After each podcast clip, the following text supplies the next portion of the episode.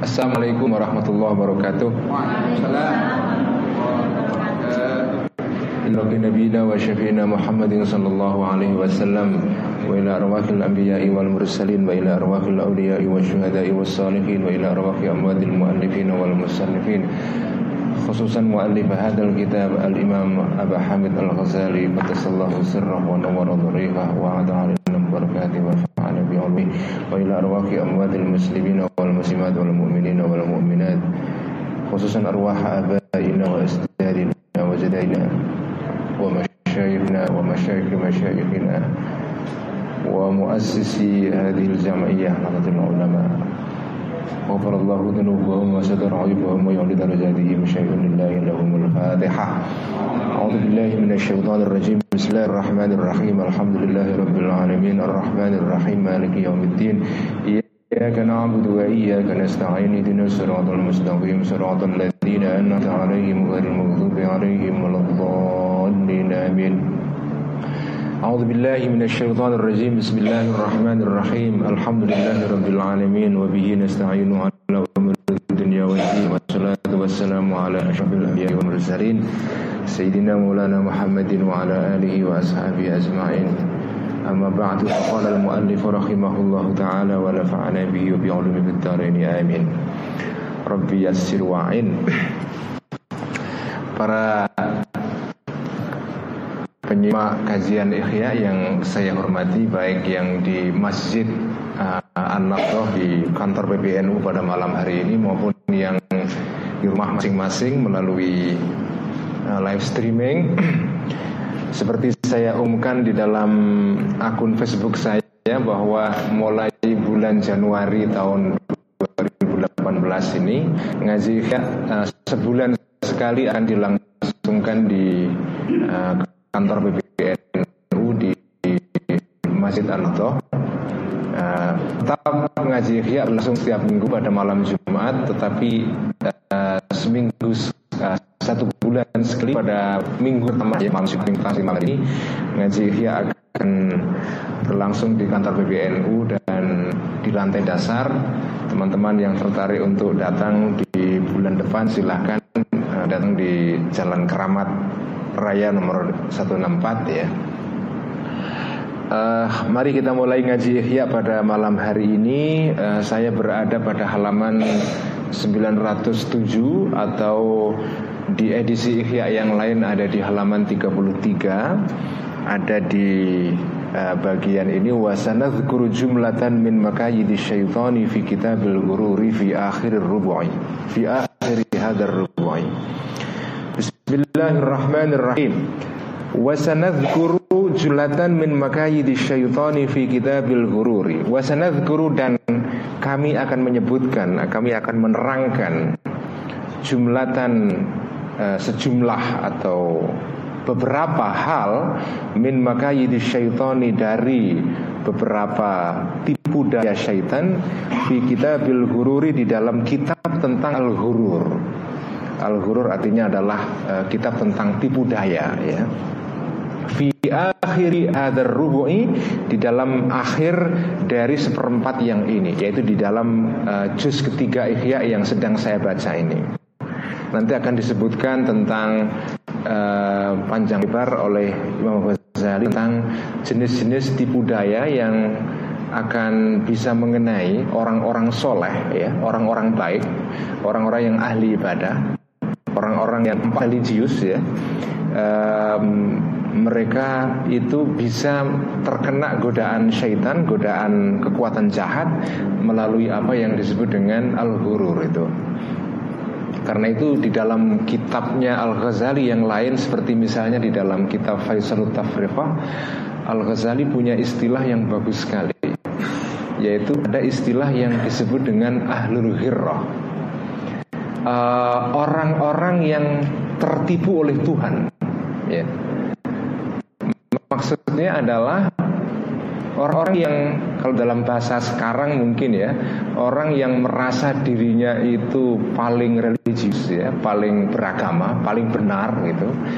Kemudian uh, ternyata dia ini uh, tertipu oleh oleh tipu daya syaitan ya Uh, ada orang-orang yang merasa dirinya berada pada jalan yang lurus, tetapi sebetulnya pada saat yang sama dia terkena oleh godaan syaitan, yaitu godaan yang disebut dengan al-ghurur.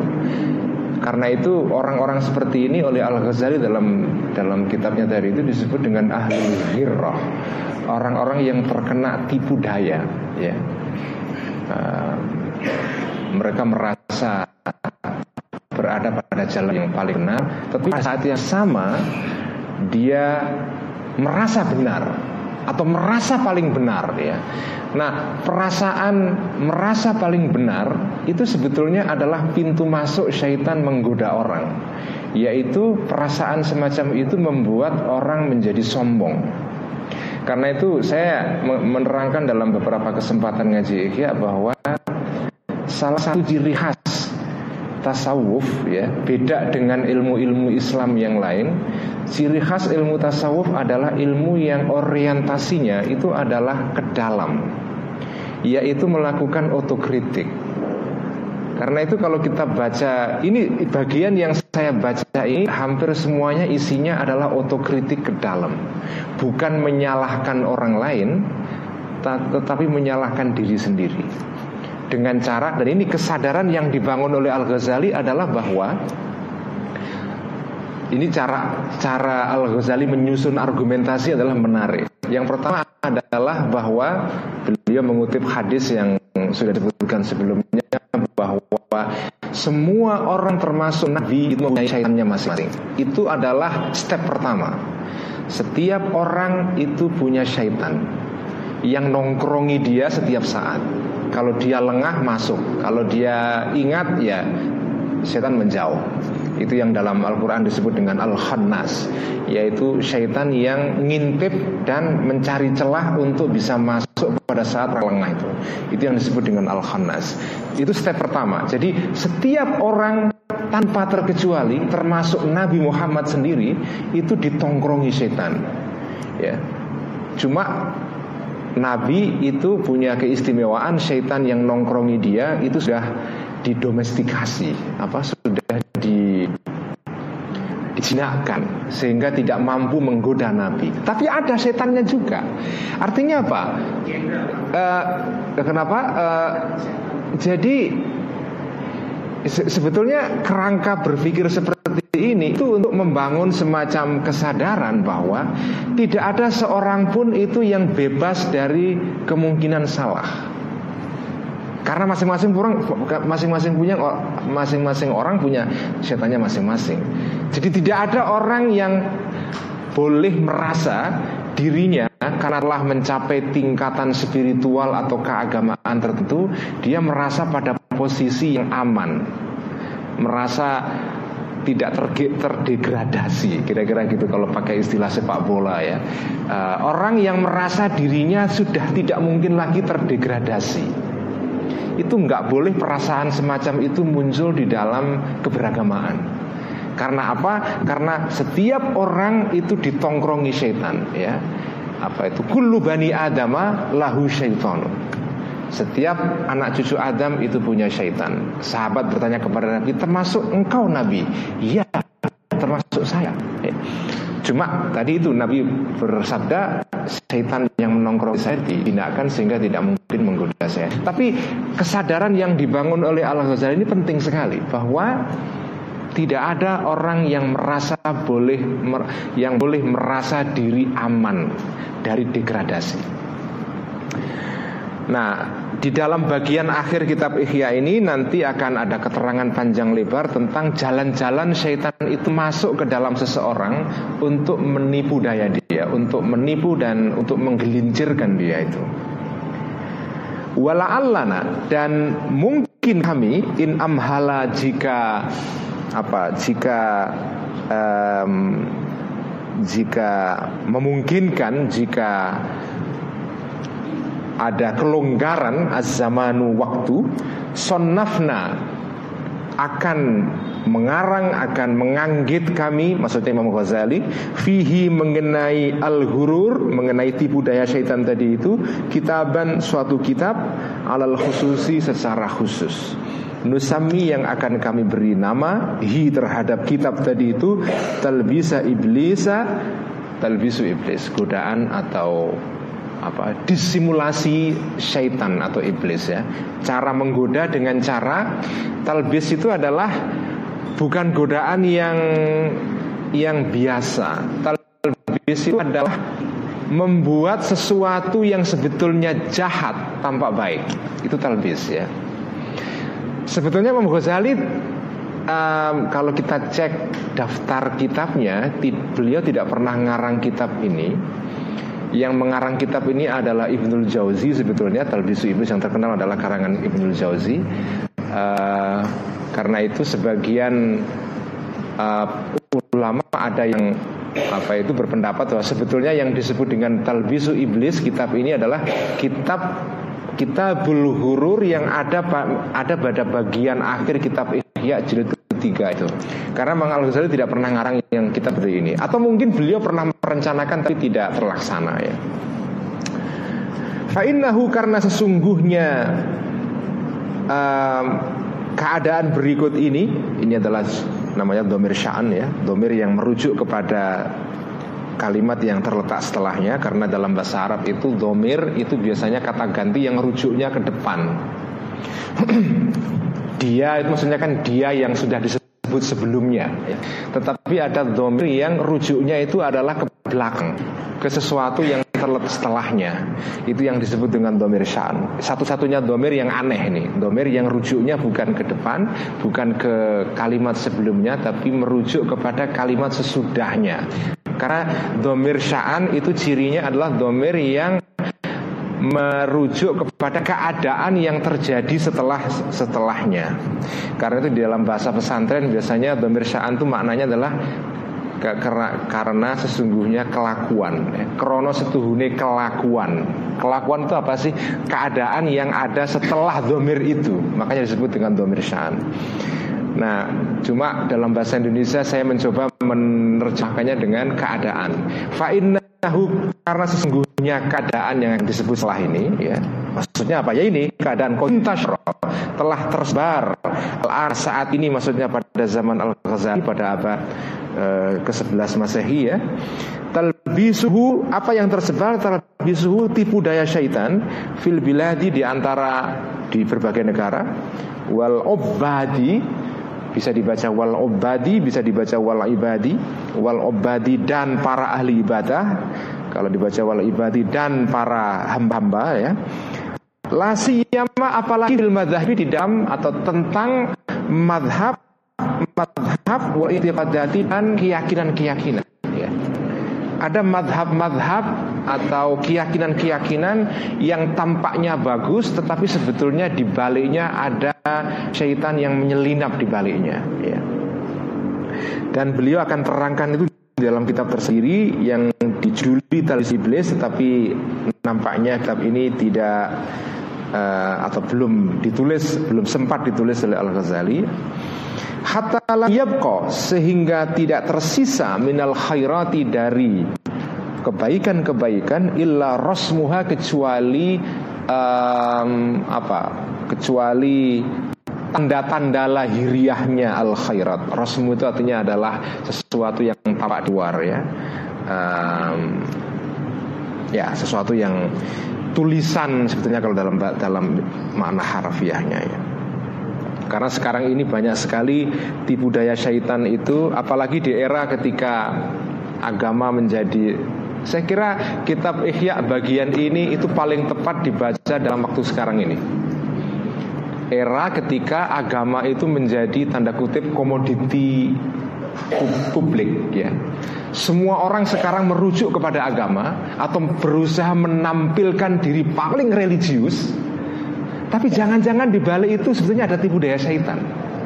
Makanya membaca kitab Ihya pada pada jilid ketiga yang sekarang saya baca ini itu sebetulnya paling tepat dibaca dalam keadaan sekarang.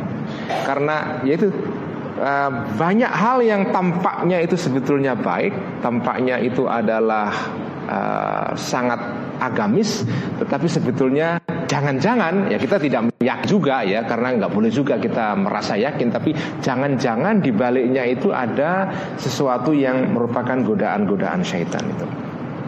Kullu dzalika semuanya itu idzanan uh, karena untuk tunduk untuk mengikuti lital bisa syaitani terhadap tipu daya syaitan wa makayidihi dan godaan-godaan syaitan. Karena itu fahakun ya. Bisa dibaca fahakun, bisa dibaca fahukko ya. Fahakun maka layaklah ya. Alal abdi bagi seorang hamba an untuk berdiri atau untuk berhenti maksudnya memperhatikan berhenti sejenak memikirkan indah kulli hammin uh, pada setiap um, apa setiap pikiran atau setiap uh, gerak-gerik hati, gerak-gerik pikiran yahturu yang terjadi yang terbetik lahu terhadap orang itu.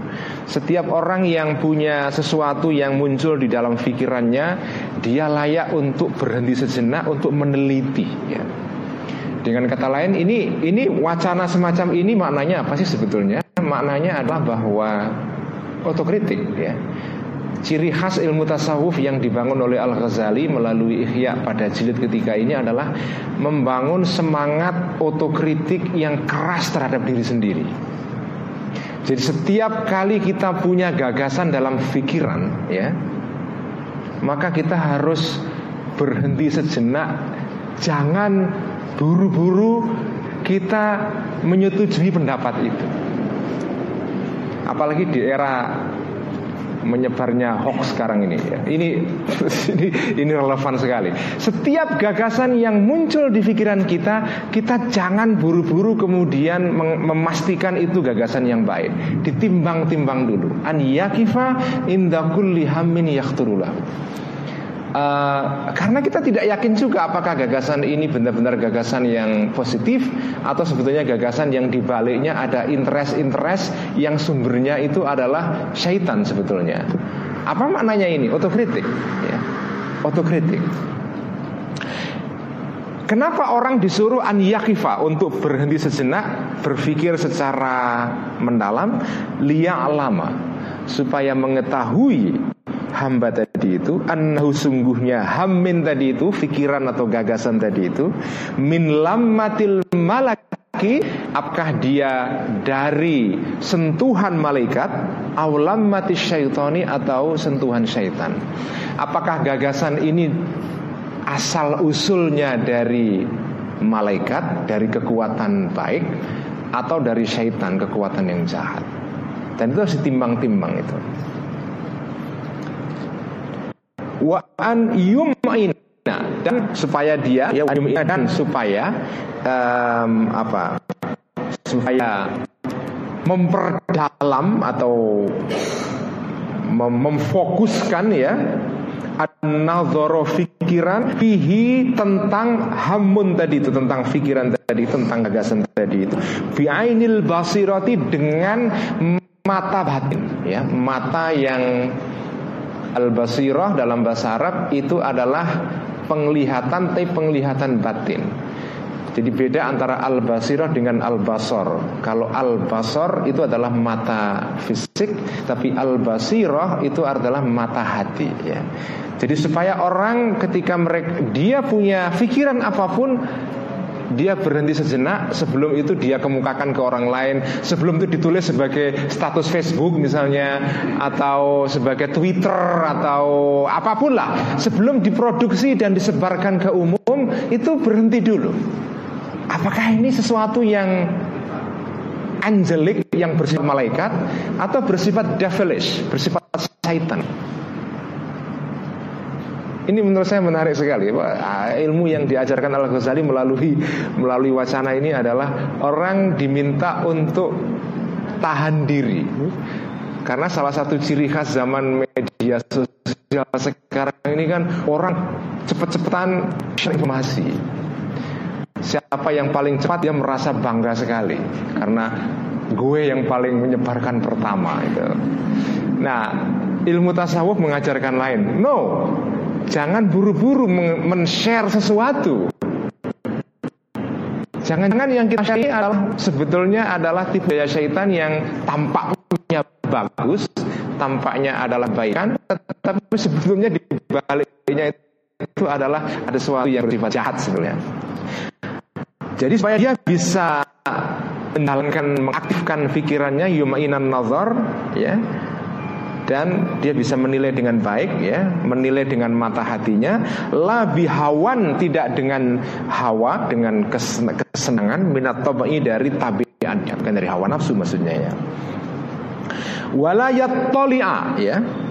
Atafnya terhadap itu uh, liya'lama. Walayat tolia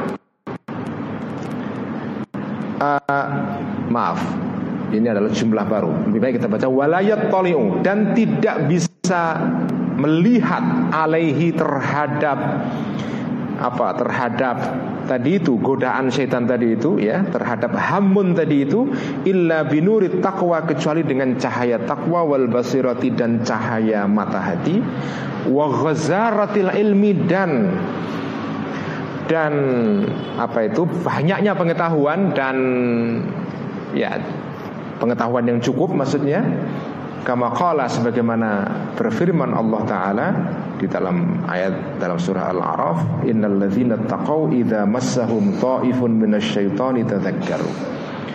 Innal ladzina sesungguhnya orang-orang ittaqau yang bertakwa idza massahum jika menyentuh hum terhadap alladzina tadi itu ta'ifun sentuhan ya. Ta'ifun di sini artinya sentuhan minasyaitan dari syaitan tadzakkaru maka mereka ingat itu.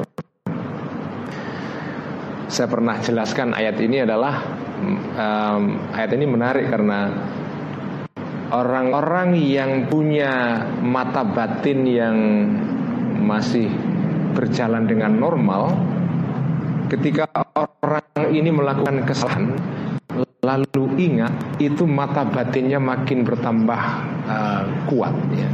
Jadi orang yang berbuat ada orang-orang yang kesalahan yang dilakukan membuat dia menjadi lebih baik.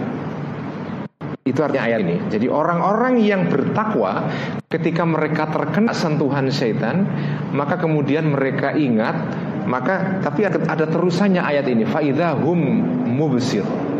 Maka kemudian mereka berubah menjadi orang yang mata hatinya makin uh, kuat, makin uh, cemerlang, makin uh, tajam ya. Faida hum mubsirun.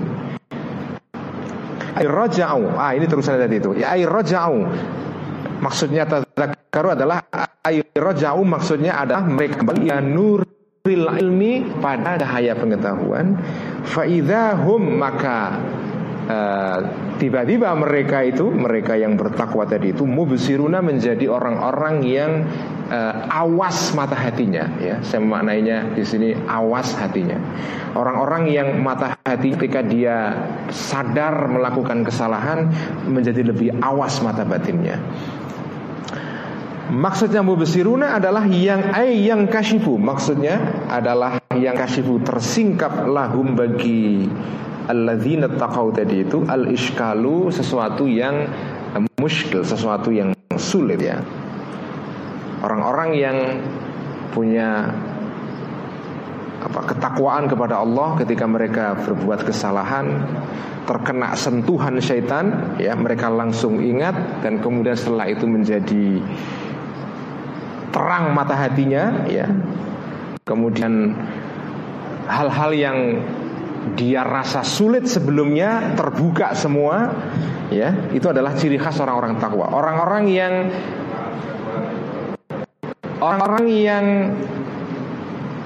Orang-orang yang takwa bukan berarti orang-orang yang sama sekali bebas dari kemungkinan godaan syaitan. Ya, tadi karena sebelumnya Al Ghazali sudah menjelaskan bahwa setiap orang masing-masing orang itu punya syaitannya sendiri-sendiri sehingga semua orang itu adalah mungkin salah. Cuma bedanya adalah orang yang takwa setelah dia bersalah, setelah dia tergelincir, kemudian dia ingat. Fa'amma man lam yuraddi nafsahu bittaqwa fayamilu tabahu ilal idhani bitalbisihi bimutaba'atil hawa fayakthuru fihi ghalatuhu. Fa amman maka adapun orang lam yuraddi yang tidak melatih ya. Ini bukan yardo kalau kita baca lam yardo artinya tidak ridho tapi di sini artinya adalah lam yuraddi dari kata riyadhah ya Fa'amman maka adapun orang lam yuroddi yang tidak melatih, tidak meriadohkan ya. Dalam bahasa Jawa kata riadoh menjadi rialat apa?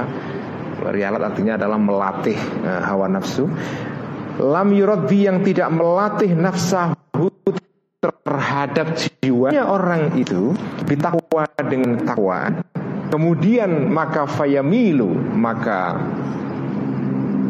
menjadi condonglah topuhu wataknya orang itu ilal izani terhadap ketundukan bital bisihi tunduk terhadap apa? Bital bisi dengan atau terhadap ya uh, tipu daya syaitan dengan cara bimuta baatil hawa dengan mengikuti hawa nafsu.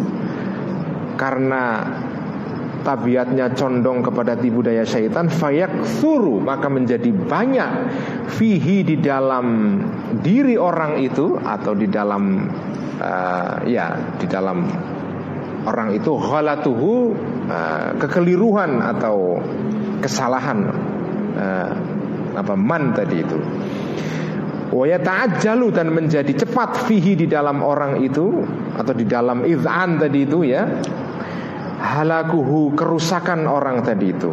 Wahua dalam keadaan orang tersebut la yashuru tidak merasa orang tersebut ya. Ya orang kalau ini salah satu ciri khas budaya syaitan yang dibahas oleh Al Ghazali di sini adalah karena namanya talbis ya.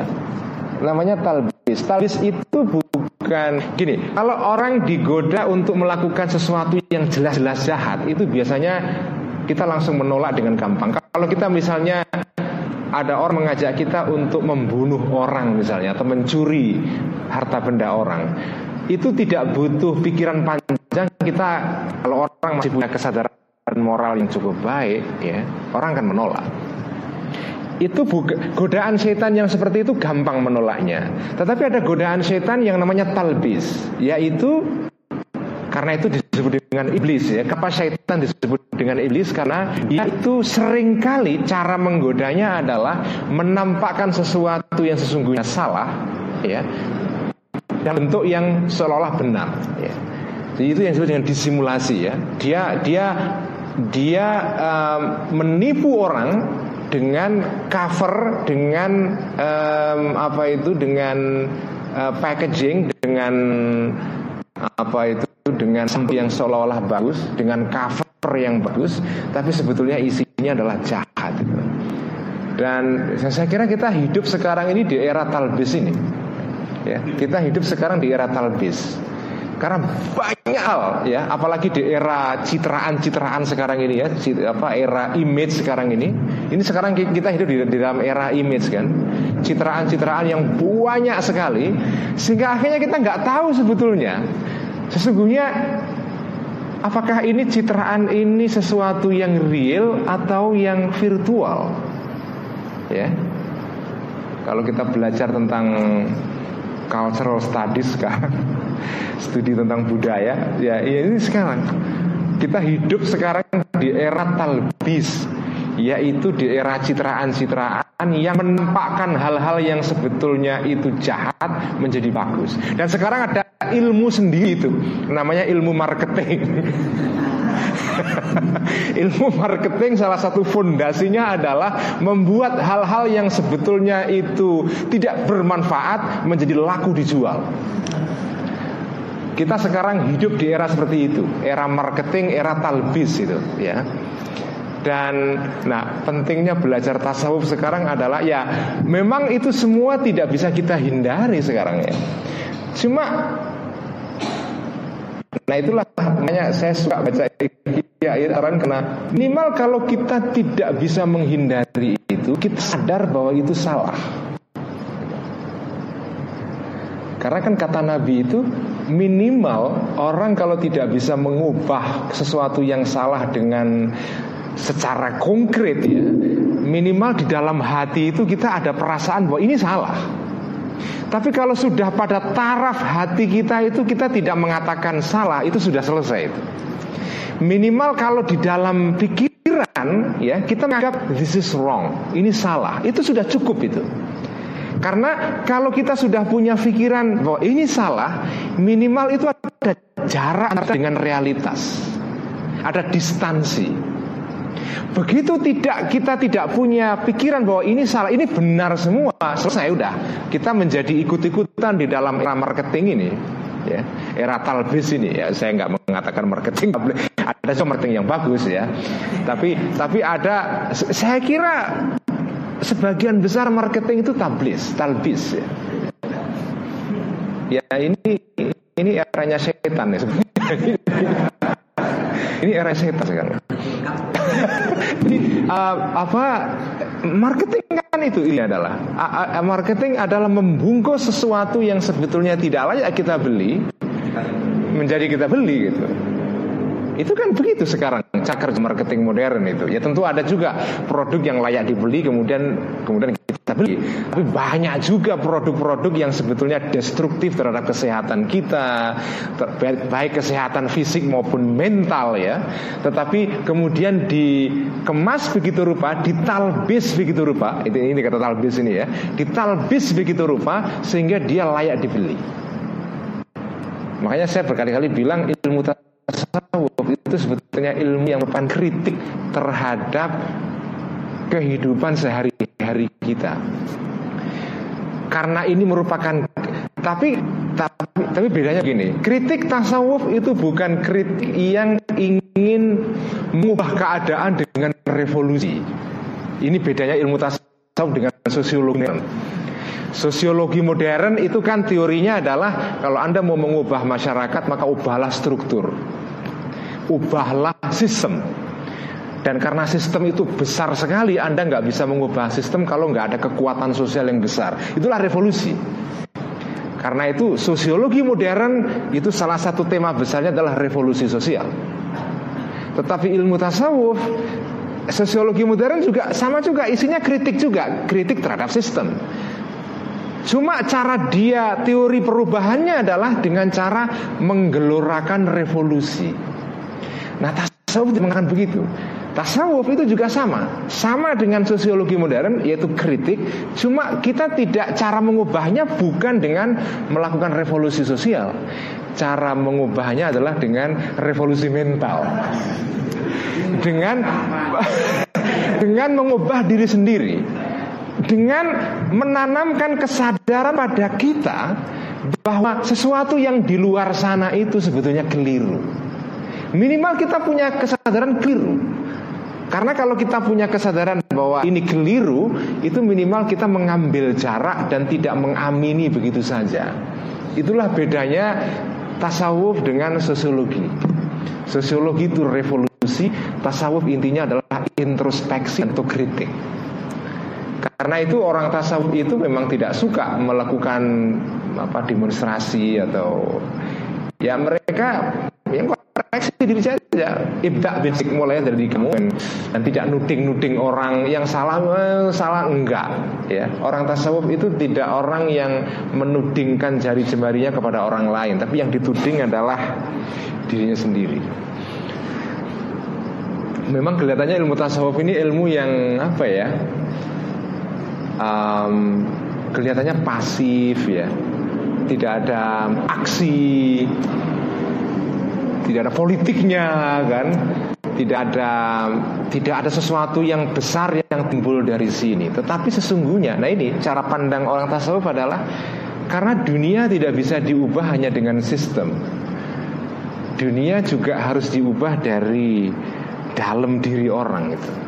Dan itulah um, apa ya, ya ini teorinya Al Ghazali di sini. Sebenarnya ini bukan hanya Al Ghazali, semua para penulis tasawuf dalam tradisi Islam klasik ya hampir semua nadanya sama. Ya, nadanya adalah otokritik dalam yang dituding itu diri sendiri bukan orang lain. Dan karena watak tasawuf yang seperti ini, ini ilmu yang bisa dibaca semua orang.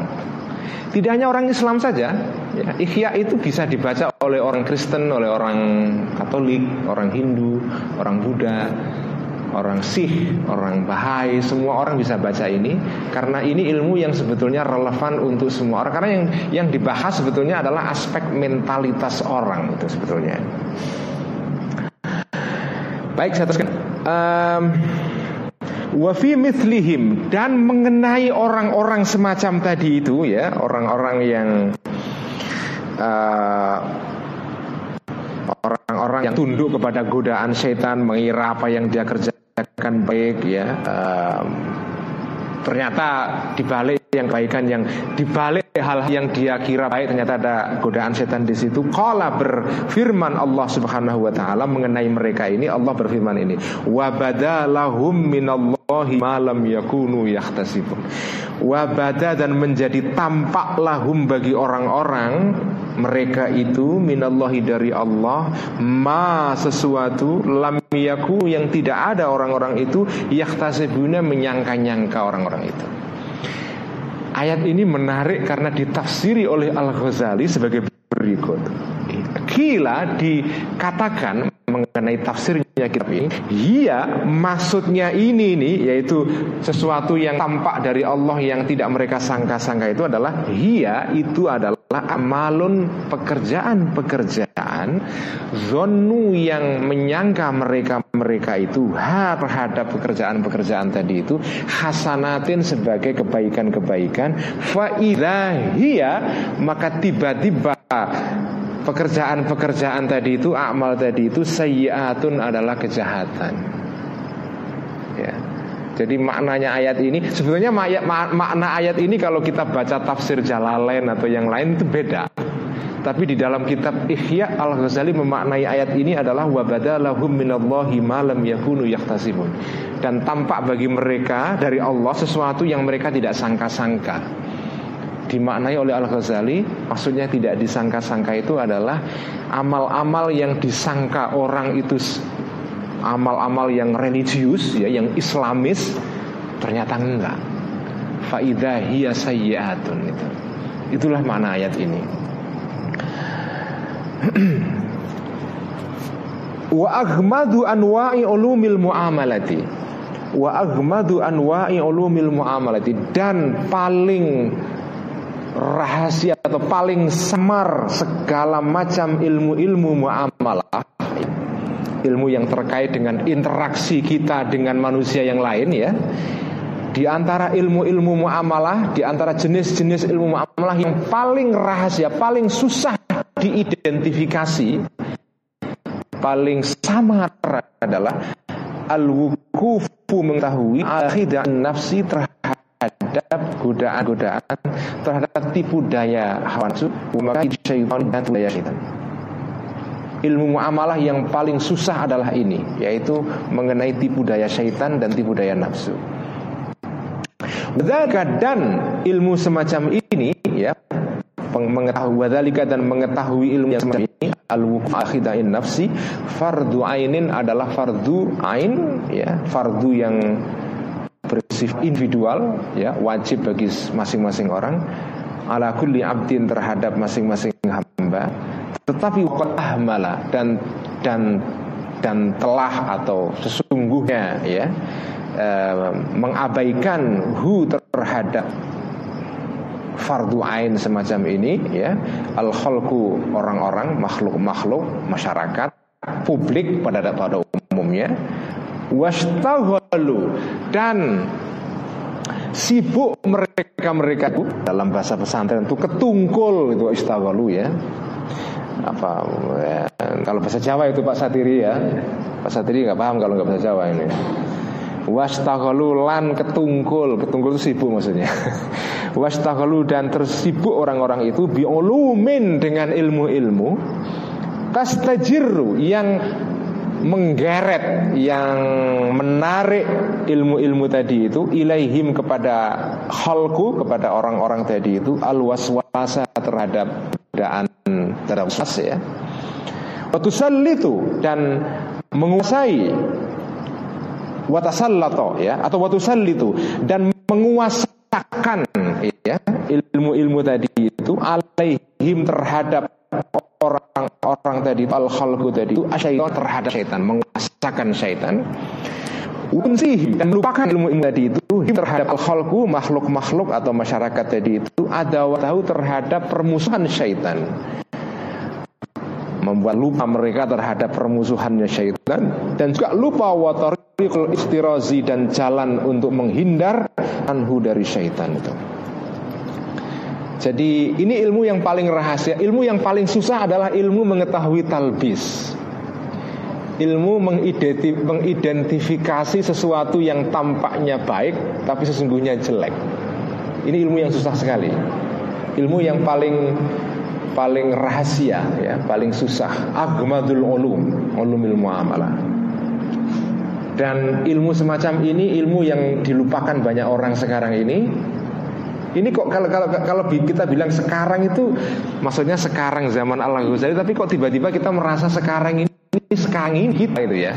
Ini relevan banget. Jadi sekarang ini ilmu-ilmu dilupakan orang. Karena orang-orang kebanyakan ini kritiknya Al Ghazali orang-orang sekarang lebih suka mencari belajar pengetahuan-pengetahuan yang justru membawa kepada mereka al waswas saya memaknai dalam bahasa sekarang was confusion kebingungan karena Perbedaan antara ilmu yang datang dari Allah dan datang dari syaitan adalah sederhana saja. Ilmu yang datang dari Tuhan, dari sumber kebaikan, itu membawa kepastian dan ketenangan. Sementara ilmu yang datangnya dari syaitan itu membawa kebingungan, membawa confusion. Alih-alih pengetahuan itu mem membuat kita menjadi clear pandangan kita, tapi itu membuat kita menjadi ragu-ragu, menjadi galau, menjadi tidak jelas dan kita bingung. Itulah was-was itu. Ilmu-ilmu semacam ini disukai banyak orang. Ilmu-ilmu yang membuat kita mengalami distraksi atau gangguan dari kebenaran yang hakiki itu. Dan ketika Al-Ghazali mengatakan begini, ini menarik. Kenapa Al-Ghazali mengatakan begini? Orang-orang sekarang ini sebagian besar mencari ilmu-ilmu yang sesungguhnya ilmu-ilmu itu kelihatannya baik. Ya. Jangan lupa loh ya, ini bukan ilmu yang jelek ini. Ini bukan ilmu sihir atau apa ilmu santet atau ah, itu jelas tuh kalau itu kan ilmu yang jelas memang nggak ada manfaatnya. Tapi ini ilmu-ilmu yang ilmu ini ilmu yang bermanfaat kelihatannya ya looks like bermanfaat tapi sebetulnya ilmu ini membawa was-was. Dan saya menduga Al Ghazali mengatakan begini ini karena beliau pernah mengalami hal semacam ini. Lagi-lagi ini cerita tentang yang saya ulang-ulang terus. Al Ghazali pernah mengalami fase ya, mengalami fase dalam hidupnya. Seperti kita kita semua ini lah. Cari pengetahuan-pengetahuan yang membuat kita bangga diri. Ilmu yang kalau kita cari bisa membuat kita menang debat misalnya kan? Itu kritik Al Ghazali itu. Ilmu yang kalau di, kita cari itu membuat kita bisa menang tweet war misalnya atau menang debat atau pokoknya untuk angga-anggaan tafahur ya. Apa? Membuat kita bangga diri yang itu semua kaitan dengan tujuan yang paling asal dari pengetahuan yaitu mencari pengetahuan untuk Allah itu itu yang disebut dengan ulumu tastajiru ilaihim al ilmu yang membawa ilmu dan ilmu ini bisa ilmu yang agama loh ilmu agama ilmu fikih, ilmu tafsir, ilmu hadis tapi karena niatnya salah alih-alih ilmu ini membawa kita kepada tujuan yang benar menjadi ilmu yang kita pakai untuk serving our self interest untuk melayani uh, interest pribadi kita sendiri itu yang dibicarakan Al Ghazali dengan olumin di sini itu bukan ilmu ilmu biasa ini. Ini ilmu yang lagi-lagi jangan lupa yang dibahas Al Ghazali di dalam bab ini adalah talbis sesuatu yang tampaknya baik jahat sebetulnya. Sesuatu yang baik ada ilmu yang bukan yang jelek, ini ilmu yang ilmu bagus, tapi dibaliknya tastajiru ilaihim waswasan, ya, menarik atau mendatangkan confusion, kebingungan pada orang-orang yang mencari ilmu ini. Dan itu ilmu semacam ini yang paling banyak dicari orang. Ini juga sekaligus bagian ini merupakan kritik Al-Ghazali terhadap keadaan pada zamannya. Meskipun kalau kita baca sekarang ini juga kritik buat kita sendiri sebetulnya ya. Ini kritik kepada umat Islam. Makanya kitab Ihya itu bukan mengkritik orang di luar Islam loh. Kitab Ihya itu sebetulnya kitab yang isinya kritik kepada kita sendiri sebagai orang Islam yang um, ya tadi itu orang-orang itu biasa terjebak dalam hadis ya, terhadap apa eh, ter, tertipu dengan sesuatu yang tampaknya baik tapi sebetulnya di baliknya ada kejahatan itu. Uh, saya tambah sedikit ya. Uh, wala yunzi wala yunzi dan tidak menyelamatkan min kafratil waswasi dari banyaknya waswas atau kebingungan confusion illa sadu abwabil khawatiri kecuali menutup pintunya uh, khawatir. Khawatir itu adalah al khatir, jamaknya khatir artinya adalah pikiran-pikiran yang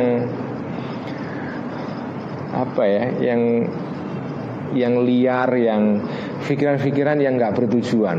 Ya. Drifting kalau bahasa bahasa Inggrisnya itu drifting itu apa sih? Ngelamun, ng, ng, apa? ngombro-ngombro ke mana-mana itu orang orang yang pikirannya tidak fokus ya ini kan sebetulnya sering kita alami kan al khawatir itu drifting itu. Orang yang orang yang pikirnya tidak bisa dikendalikan ya ke mana-mana nggak ke mana-mana pada dasarnya. Orang yang pikirnya ke mana-mana tapi ke mana-mana. Kenapa drifting? Drifting itu artinya adalah pikiran yang ke mana-mana tapi tidak produktif. Ini ciri khas orang Jakarta saya kira. Pikirannya ke mana-mana tapi tidak ke mana-mana. Drifting. Orang yang pikirannya itu drifting, apa lari ke mana-mana ya, itu drifting kan. Tapi sebetulnya tidak menghasilkan apa-apa. Ya karena itu karena khawatir no. Nah itu khawatir drifting itu itulah jalan masuk syaitan yang paling paling paling baik sekali. Cara cara syaitan masuk dalam dalam saiki atau jiwa manusia adalah melalui tadi itu pikiran yang tidak ke mana yang ke mana-mana tapi tidak ke mana-mana yaitu al khawatir itu. Nah, dan ini yang penting kita ketahui abu abuha dan pintu-pintunya al khawatir itu adalah al khawasu adalah panca indera al khamsu yang lima. Ya ini panca indera fisik kita yang lima itu itulah sumber drifting kita. Mata setiap hari kita lihat status Facebook macam-macam isinya. Ada Lazada ada macam-macam kan? Uh, itu kan yang bikin drifting kan itu semua.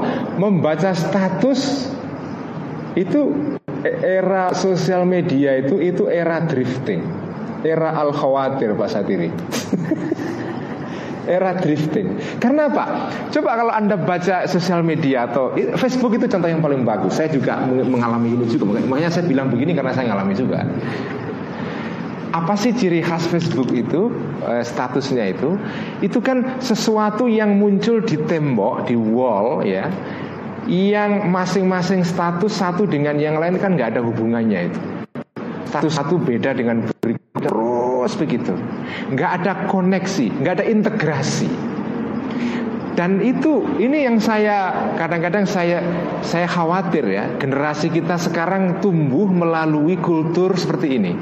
Kultur yang disconnected. Karena dia setiap hari membaca pesan satu dengan yang lain tidak terkait. Ada kaitan kalau dicari kalau cerdas, tapi kalau orang yang tidak cerdas dia akan terbentuk oleh satu kultur di mana yang dia baca itu terpotong-potong, ter terdiskoneksi. Dan itulah sumber khawatir yang paling baik. Ya. Sumber drifting yang paling baik itu adalah ini. membuat orang pikirannya ke mana-mana, tapi tidak ke mana-mana. Ini kitab Ikhya jadi relevan sebagai kritik atas sosial media ini sebetulnya. Ini bagus sekali ada nulis skripsi tentang Ikhya dan sosial media misalnya ya. Akan bagus ini apa? Eh, menarik sekali ini. Jadi uh, pintunya al khawatir, pintunya drifting adalah panca indera lima ini, terutama mata.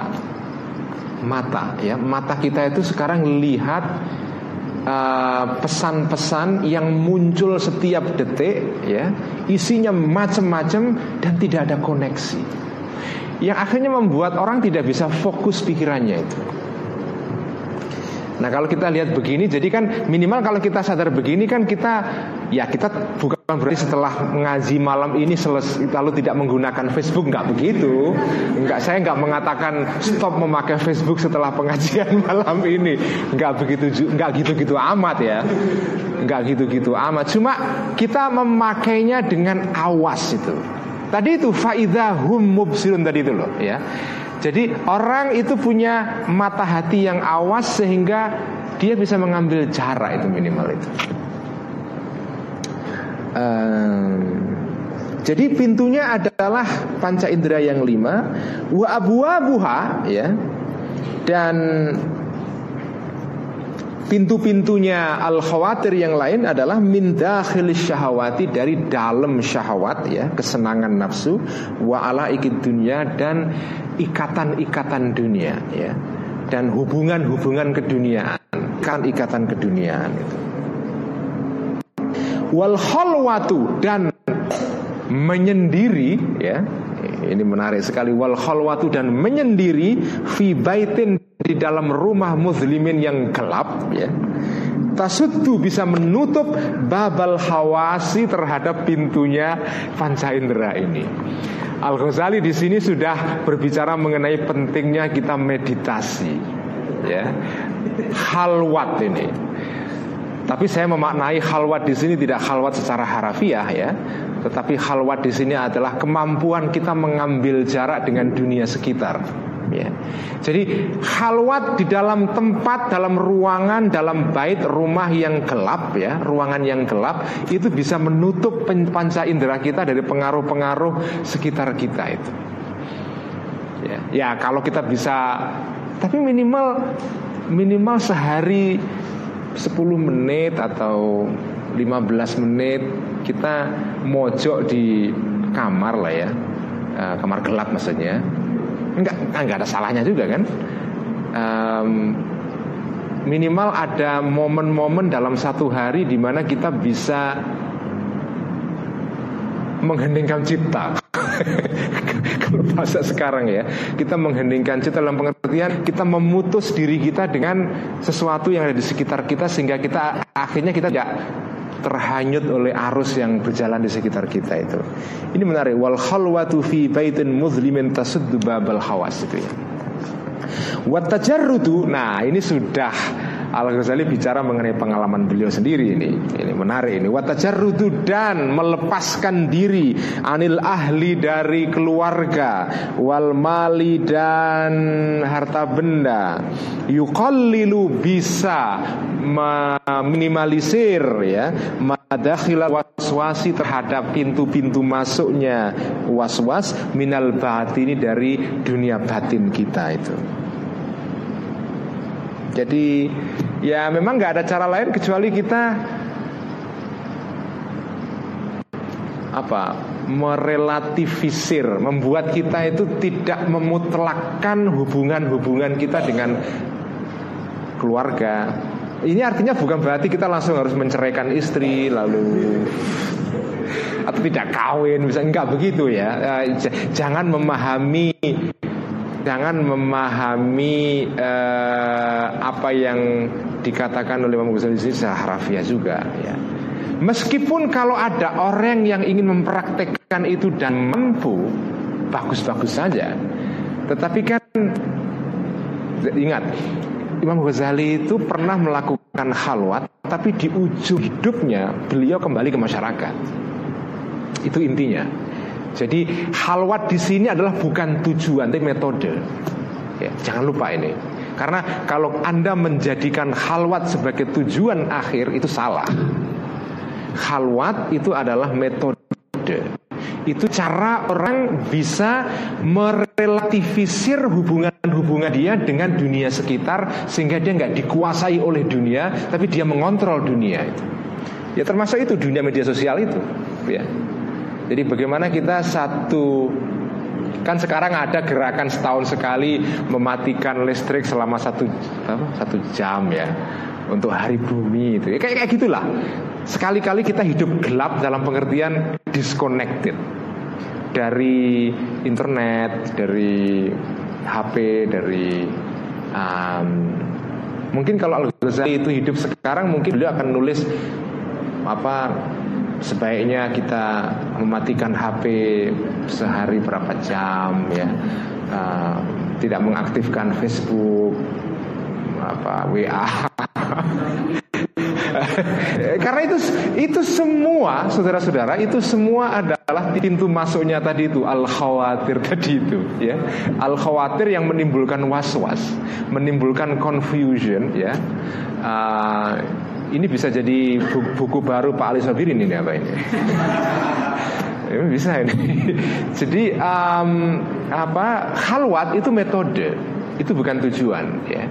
Um, berada pada ruangan gelap itu juga bukan tujuan itu metode saya metode supaya kita tidak dikuasai oleh al hawasul khams ya, oleh panca indera lima yang kalau itu kita biarkan tanpa kita kontrol ya kita akan dikuasai itu um, tetapi ya ini karena masih berhubungan saya teruskan lagi. Wayabqa wayabqa ma'adzalika madakhila batinatan fit takhayyulatil jariyati fil qalbi. Wayabqa dan dan masih ya dan masih dan masih dan tetap ya dan masih uh, apa itu uh, um, apa rujuknya adalah kepada um, al al ahl al mal tadi itu semua ya. Godaan-godaan yang sumbernya dari keluarga harta dan seterusnya.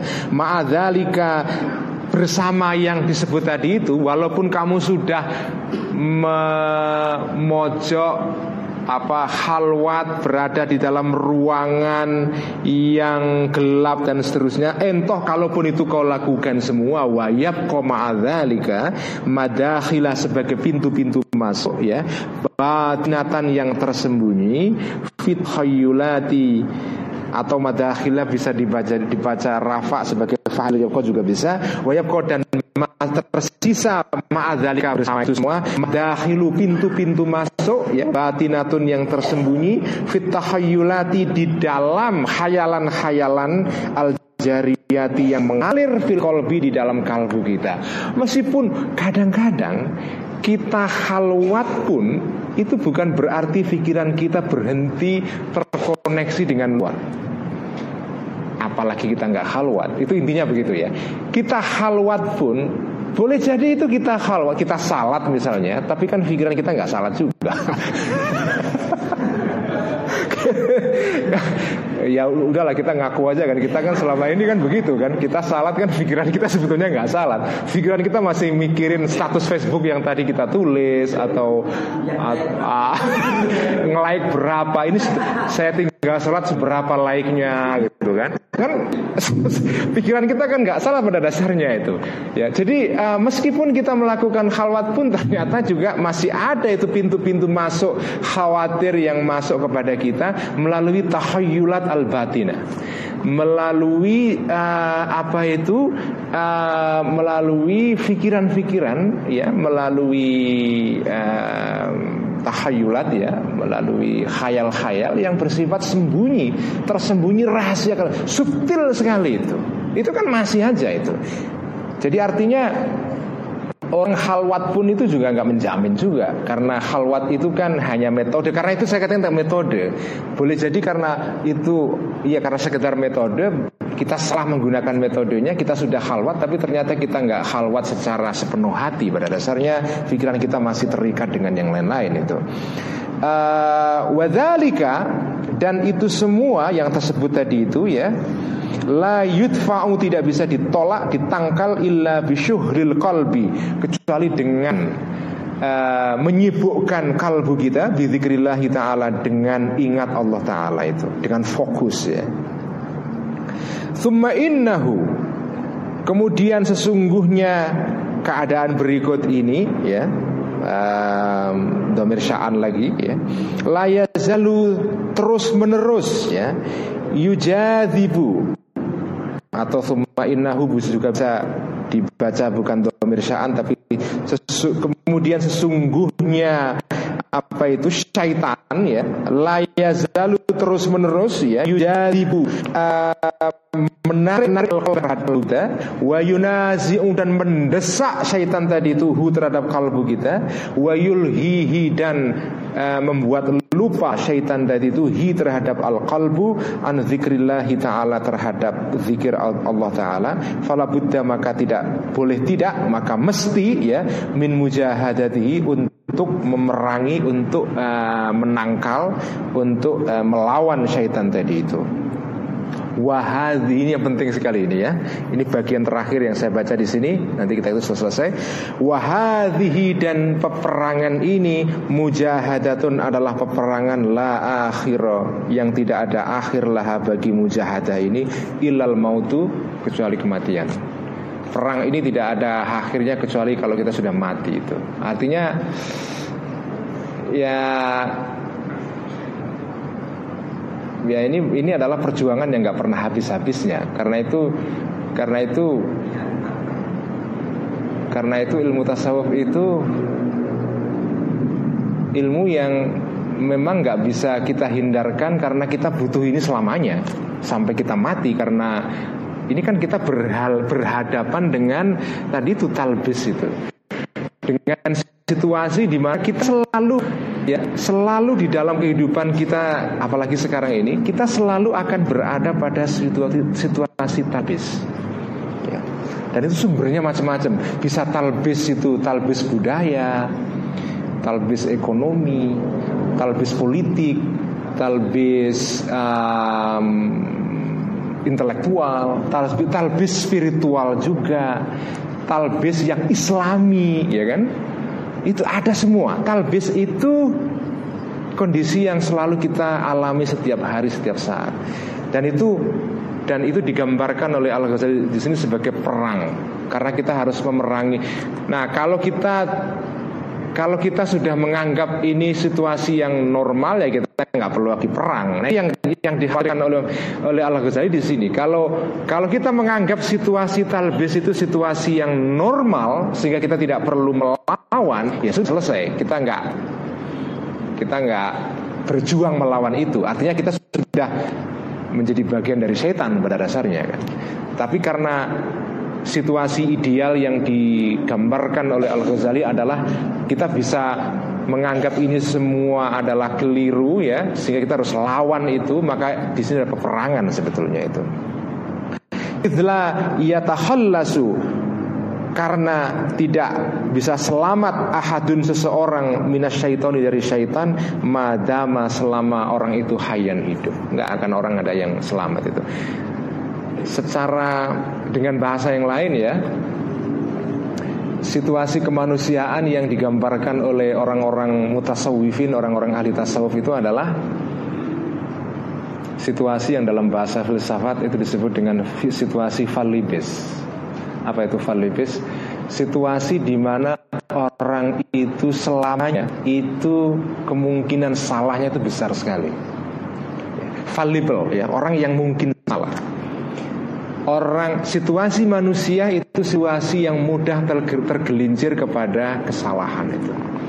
Nah, kalau kesadaran semacam ini sudah menancap dalam diri kita, itu minimal meskipun kita tidak bisa menghindari kesalahan total ya, karena itu juga nggak mungkin karena hanya nabi-nabi yang bisa lepas dari kesalahan secara total ya. Minimal kalau kesadaran ini muncul dalam diri kita, itu mengurangi apa ya mengurangi kecenderungan kita untuk sombong itu minimal itu kesadaran semacam ini kalau masuk pada diri kita itu minimal kita menanamkan sikap rendah hati, humility. Itu itu pentingnya pentingnya ajaran ihya di sini ya. Ajaran bahwa la yatakhallasu ahadun itu adalah ajaran ini pentingnya adalah bahwa ya nggak ada orang yang suci atau tidak ada orang yang boleh merasa suci. Mungkin orang suci ada, tapi merasa suci itu tidak boleh karena ya tadi itu selama orang masih hidup maka dia akan tetap uh, kemungkinan salah dan digelincirkan oleh setan besar sekali. Sekian ngaji ya pada malam hari ini dan um, malam ini mungkin kita tidak buka tanya jawab ya. Uh, ngaji biasa saja ya ala pesantren gak ada tanya jawab uh, mungkin nanti bulan depan. Jadi ngaji ikhya itu nanti setiap bulan akan berlangsung sekali di PBNU ya pada Jumat malam Jumat pertama setiap bulan. Ya selebihnya nanti Jakob dar di mana-mana atau di rumah saya tapi sekali sebulan itu berlangsung di PBNU di masjid ini pada malam Jumat minggu pertama. Jadi silakan kalau yang punya waktu datang ke sini dan kita melakukan kajian ikhya di sini. Terima kasih, semoga bermanfaat. Kita tutup dengan bacaan alhamdulillah, alhamdulillahirabbil alamin. Wassalamualaikum warahmatullahi wabarakatuh.